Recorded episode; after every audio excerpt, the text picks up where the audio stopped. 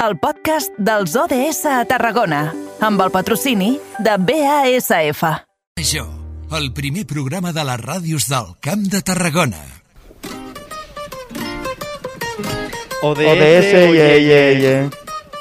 És carrer major. Ja quasi és 2022, però aquí viatgem més enllà. Els objectius són genials, però encara hem de treballar. Espero que ja els coneguis tots.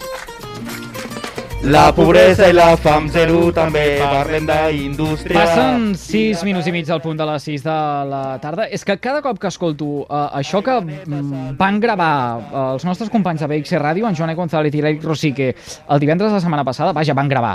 Uh, en, ens van oferir amb aquell repte que tots vostès ja saben, de si cantarien una sintonia amb lletra pròpia. Cada cop que l'escolto, i això que és el tercer cop, uh, el segon enllaunat, uh, el tercer si comptem que ens ho van oferir en directe, cada cop hi descobreixo coses, coses noves.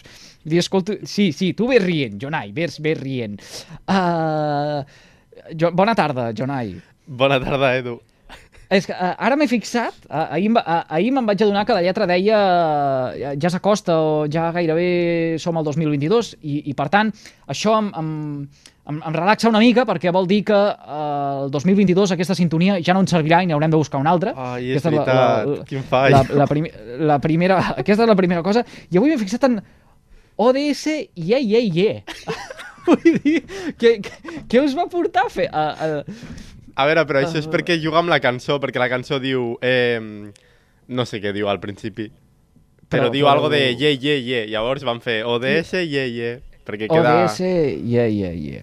Molt bé. Uh, va, posem-nos seriosos, uh, situem a la nostra audiència aquest espai, el dels Objectius de Desenvolupament Sostenible, el dels ODS, és el que cada dia ens serveix per acostar-nos una miqueta més al 2030. Per què? Doncs perquè agafem l'agenda de les Nacions Unides.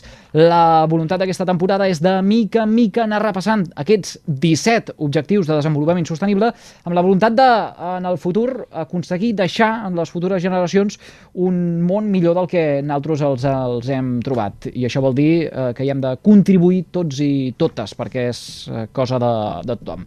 Escolta, fa uns quants dies que parlem dels Premis Emprèn de la Diputació de Tarragona, que es lliuraven tot just ara fa 15 dies pel cap baix, i em penso que seguim aquest recorregut no? de, de conèixer eh, projectes que han estat eh, guardonats. Uh -huh, així és, avui seguim explicant aquests projectes reconeguts per la Diputació de Tarragona, els Premis Emprens, i també relacionats sobretot amb els objectius de desenvolupament sostenible, com no podia ser d'una altra manera. Avui parlarem d'Àgora i ens centrarem en aquest projecte amb Martí Garrido, cofundador del projecte. Molt bona tarda. Bona tarda, Jonai i Edu. Un plaer estar aquí amb vosaltres. Bé, per aquells que no ho coneguin, de què tracta Àgora? Què, què és aquest projecte? Molt bé, Agora és una eina per poder connectar tots nosaltres, a la ciutadania, amb l'administració pública, no? i sobretot amb l'administració local, els nostres ajuntaments, que bueno, tenim molta interacció amb ells, eh, des de votar uns pressupostos participatius o ficar la zona blava o fer qualsevol tràmit i, i després com connectar tot això amb, amb les entitats i els comerços, no? que són dinamitzadors del, del món local i aquí és on entra els ODS i tot, tota aquesta agenda 2030 no? i tots els reptes que tenim, que sembla que tenim temps però anem, anem tard. Uh -huh. uh, Martí, uh, deixem que uh, ara es compri cap a casa perquè precisament aquesta, aquesta aplicació, aquesta plataforma uh, uh, eAgora ha estat una eina que uh, darrerament ha uh, generat uh, xup-xup, podríem dir, en el sí de la vida altafollenca, perquè apuntaves que uh, serveix, per exemple, per uh, votar en uns pressupostos participatius i s'ha utilitzat eh, Altafulla a l'hora de destinar diferents eh, partides. Eh, parlem de fa com a màxim un parell de mesos enrere. Quins són els inputs que heu recollit per part d'aquelles administracions que ja han eh, pogut tastar tota aquesta, mm -hmm. aquesta eina? Sí, realment Altafulla ha sigut un cas d'èxit. Eh, quan parlem de, de votació de pressupostos participatius, estem acostumats a anar a votar a unes eleccions generals, o unes municipals, però clar, no estem acostumats a, a aquest exercici de governança, no? I és que nosaltres ens posem en, en el lloc d'una regidora, d'un regidor, d'una alcalde, alcaldessa, i votem una petita part dels pressupostos, no? I a vegades, eh, bueno, no, ens costa molt anar a l'Ajuntament a votar Um, I l'eina ha permès uh, bueno, que 3 de cada 4 persones puguin fer la votació digital des de casa seva a l'hora que sigui i, i també bueno, s'ha sorprès molt, no? i deia el Jordi, l'alcalde d'Altafulla, que la gent gran ha escollit majoritàriament votant digital, no? que aquí trenquem un altre, uh, un altre paradigma de que la gent gran uh, i, i la digitalització a vegades és complexa, i és veritat, però nosaltres fiquem molt el focus de, de fer-ho fer, fàcil. No? I per contestar la pregunta que, que feies, nosaltres ens agrada descriure ara com un joc de, de Legos. No? Tenim moltes peces i aquestes peces uh, poden adaptar la realitat de cada municipi. No? Ara mateix estem desplegant entre el gener i el març a cinc municipis de, de la província de Tarragona, per exemple, la solució de ticketing per poder comprar totes les entrades d'activitats culturals, festa major, Uh, també ara comencem el, el proper any amb, amb Amposta, també a tot el que és el procés de, processos de, de pressupostos participatius, no? perquè no és només la votació, sinó que la gent pugui presentar uh, propostes. O sigui que al final nosaltres parlem d'una eina que pugui integrar tota, tota aquesta activitat que fem amb, amb el món municipal. No? Hi ha municipis que tenen vuit aplicacions no? I, i clar, això és molt complex perquè tenim un mòbil i si ja a vegades una, costa una miqueta, no? Fa mandra descarregar una aplicació municipal, imagina quan has de descarregar una per votar pressupostos participatius, otra si és jove, altres per a reportar una incidència que n'hi ha a la via pública. O sigui que nosaltres partim d'aquest concepte, no? de, de facilitar aquesta eina de, de, de comunicació cap a la ciutadania i, i poder interactuar més amb, amb la realitat local. Uh -huh.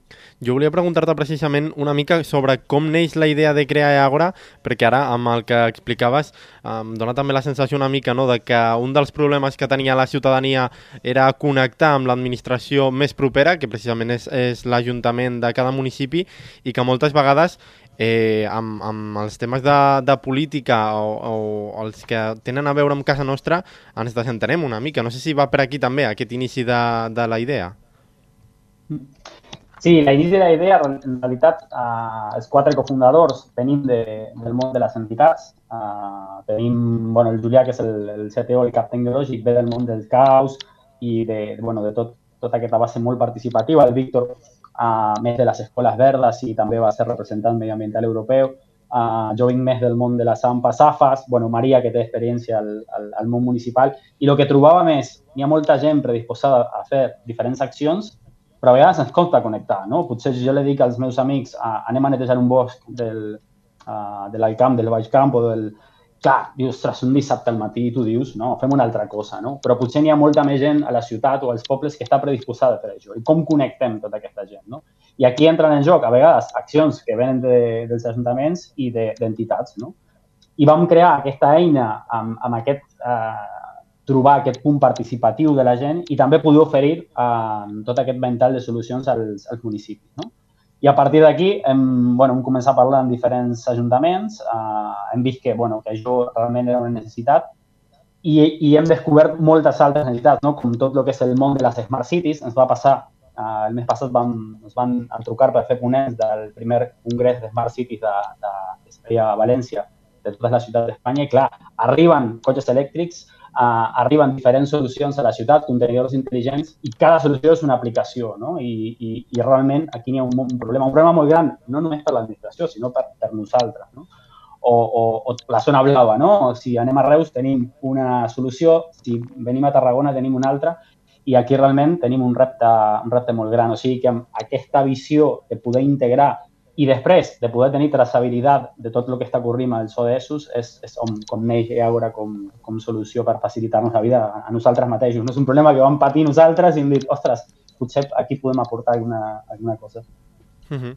Parleu també d'aquestes Smart Cities. No sé si és una mica també aquesta manera d'integrar l'agenda 2030. Com, com, com integreu aquest, aquesta agenda en el, en el vostre projecte? Uh -huh. Bé, nosaltres eh, hem partit de, de, de l'Agenda 2030 com, com repte global, no? com, com macropolítica que, que ve de la ONU i, i aniria una miqueta a tots aquests reptes que, que tenim.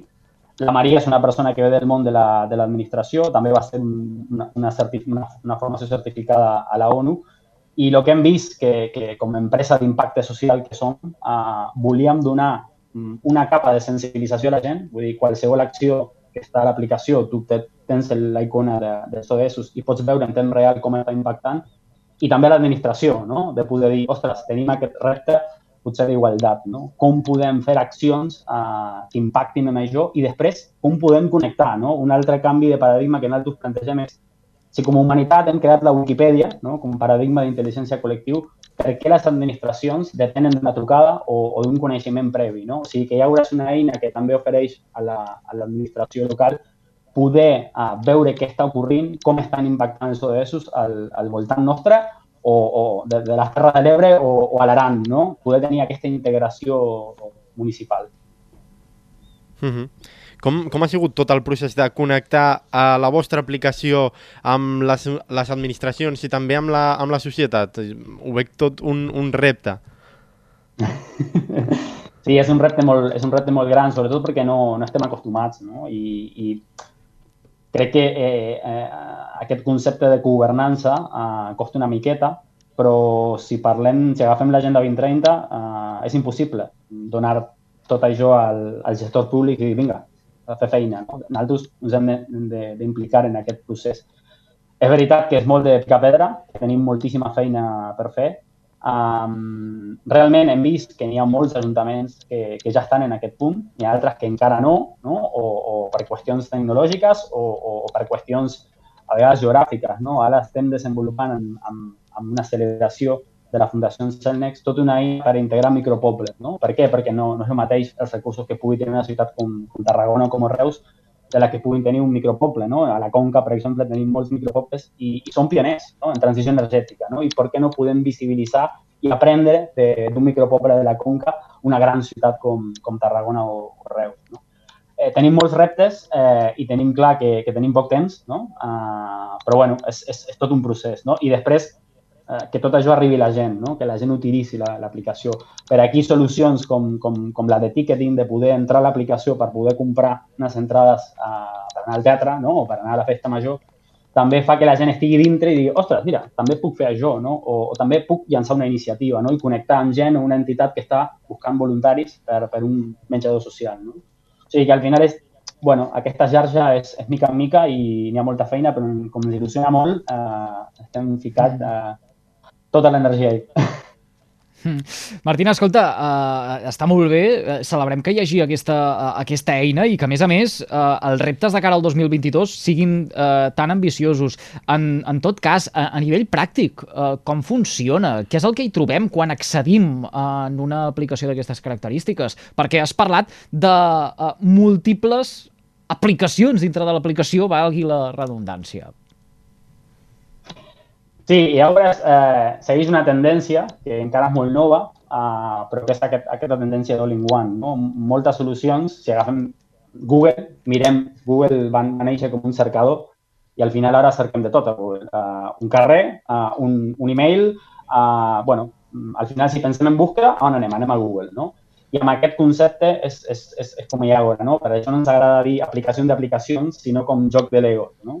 Uh, quan entres allà, ara, depenent si el teu municipi té activat uh, l'eina, uh, pots fer servir, per exemple, si és moment de votació de pressupostos participatius, doncs has de fer aquesta validació amb el padró i pots votar.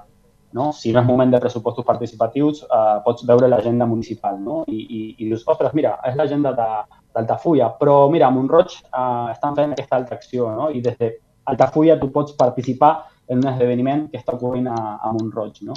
O pots compartir una idea uh, bueno, n'hi ha diferents, uh, diferents solucions i, i quan activem aquest, aquesta peça de Lego nova, no? com, com serà, per exemple, tant el que és el ticketing o la reserva d'espais, no? poder dir, mira, és que hi ha una pista de pàdel i, m'interessa jugar al pàdel i puc utilitzar l'aplicació per, per reservar, no? Perquè al final aquí, si tornem als ODS, doncs si fem esport estem impactant en salut, vull dir, al final tot està entrelaçat i amb aquesta visió integradora on l'Ajuntament és el nucli principal, uh, volem, volem això, que si pensem en qualsevol interacció uh, amb lo públic uh, del nostre entorn, uh, podem oferir aquesta solució. No?